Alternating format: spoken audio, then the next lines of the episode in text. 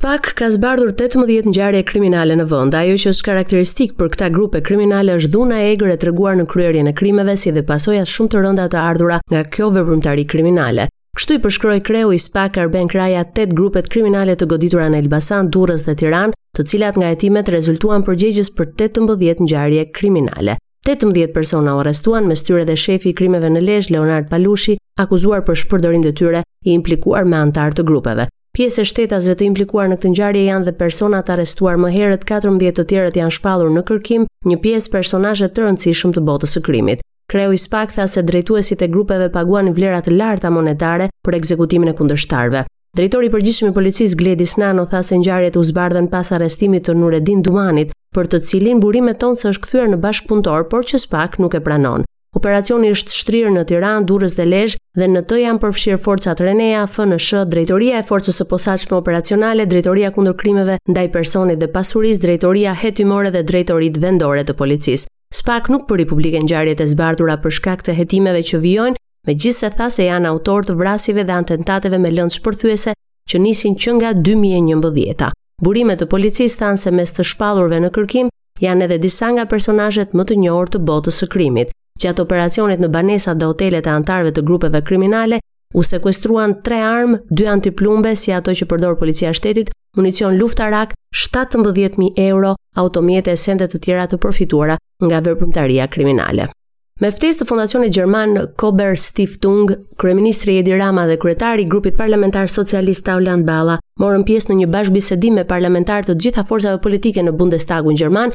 Në fokus ka qenë e ardhmja europiane e Shqipërisë dhe ndikimi i luftës në Ukrainë në rajonin e Ballkanit. Kryeministri në Berlin u takua dhe me drejtuesit e dy forcave kryesore politike gjermane të socialdemokratëve dhe të kristiandemokratëve. Ai u prit edhe në një takim nga ministrja e jashtme Annalena Baerbock.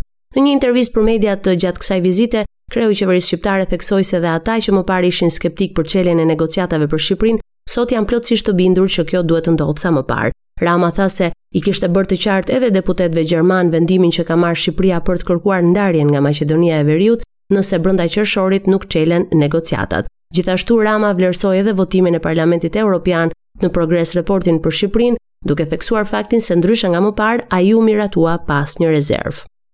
Qeveria ka vendosur që datën 25 për finalen e Conference League, e cila do të luhet në Air Albania, ta shpallë ditë pushimi për gjithë punonjësit e institucioneve publike në qarkun e Tiranës. Më 25 maj nuk do të lejohet të lëvizin as automjetet në rrugën kryesore të Tiranës. Të gjithë tifozët nga rrethet e tjera që duan t'i bashkohen festës në kryeqytet mund ta bëjnë këtë vetëm pasdite. Interesi i tifozëve italianë dhe atyre holandezë për të ndjekur finalen e Conference League, ku do të luajnë skuadrat e tyre të zemrës, është aq i madh sa që në datat 24 dhe 25 maj janë rezervuar të gjitha hotelet në qarkun e Tiranës dhe shumë prej tyre kanë rezervuar edhe në hotelet e Durrësit.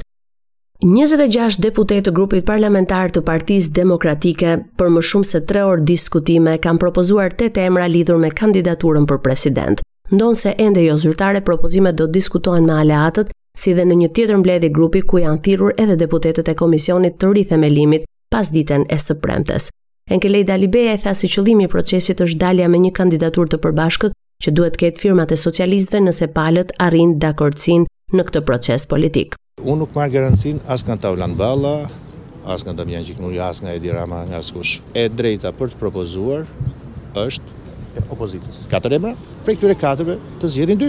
Midis dy kandidaturave do duhet zgjedhur një për të shkuar në një kandidaturë të vetme. do të ketë sigurisht edhe mbështetjen me firma të secilës palë, si një garanci që nesër të mos thonë jo, nuk na pëlqen. Por Komisioni i Rithemelimit i kujtoi përmes deputetit Oerd Bylykbashi, i përzgjedhur si negociator për çështjen e presidentit, se Alibeaj nuk ka tagër të thërrasë grupin e aq më pak të arrijë marrëveshje në emër të Partisë Demokratike. Dakordësinë e arritur të mërkurën mes Ballës dhe Alibeajt Bylykbashi e cilësoi vazhdim të marrëveshjes së Ramës me Bashën në 2017-ën. Sipas Komisionit të Rithemelimit, Kushtetuta i njeh opozitës të drejtën e propozimit të kandidatëve për president në të pesta raundet, pa pasur nevojën për një marrëveshje mes palëve.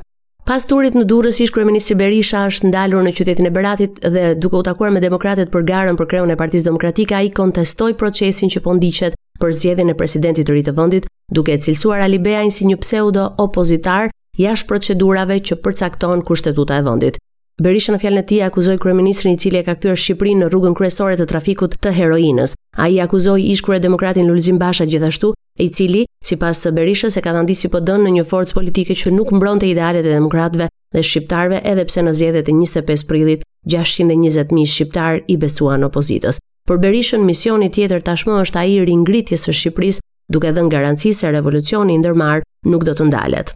Presidenti Ilir Meta reagoi ndaj deklaratave të kryeministrit Edi Rama të disa ditëve më parë që i bënte thirrje Spakut të hetonte kreun e shtetit, duke theksuar se nuk do të trembet nga hetimi dhe kjo thirrje bëhet për të mbuluar çështjen e inceneratorëve. Duke zgjedhur si simbolik 17 majin për këtë konferencë, Meta e konsideroi paktin e 5 viteve më parë mes kryeministrit Rama dhe ish-kryedemokratit Lulzim Basha të turpshëm dhe tinzar, Kreu i shtetit deklaroi se do të ngrejë padi penale kundër gazetës vieneze për artikullin ku pretendohet se ai kishte paguar 700.000 dollarë amerikanë për një foto me presidentin Donald Trump.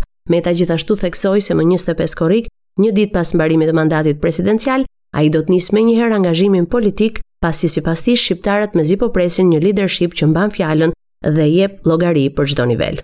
Raportoi nga Tirana për Radio SBS Gerta Heta.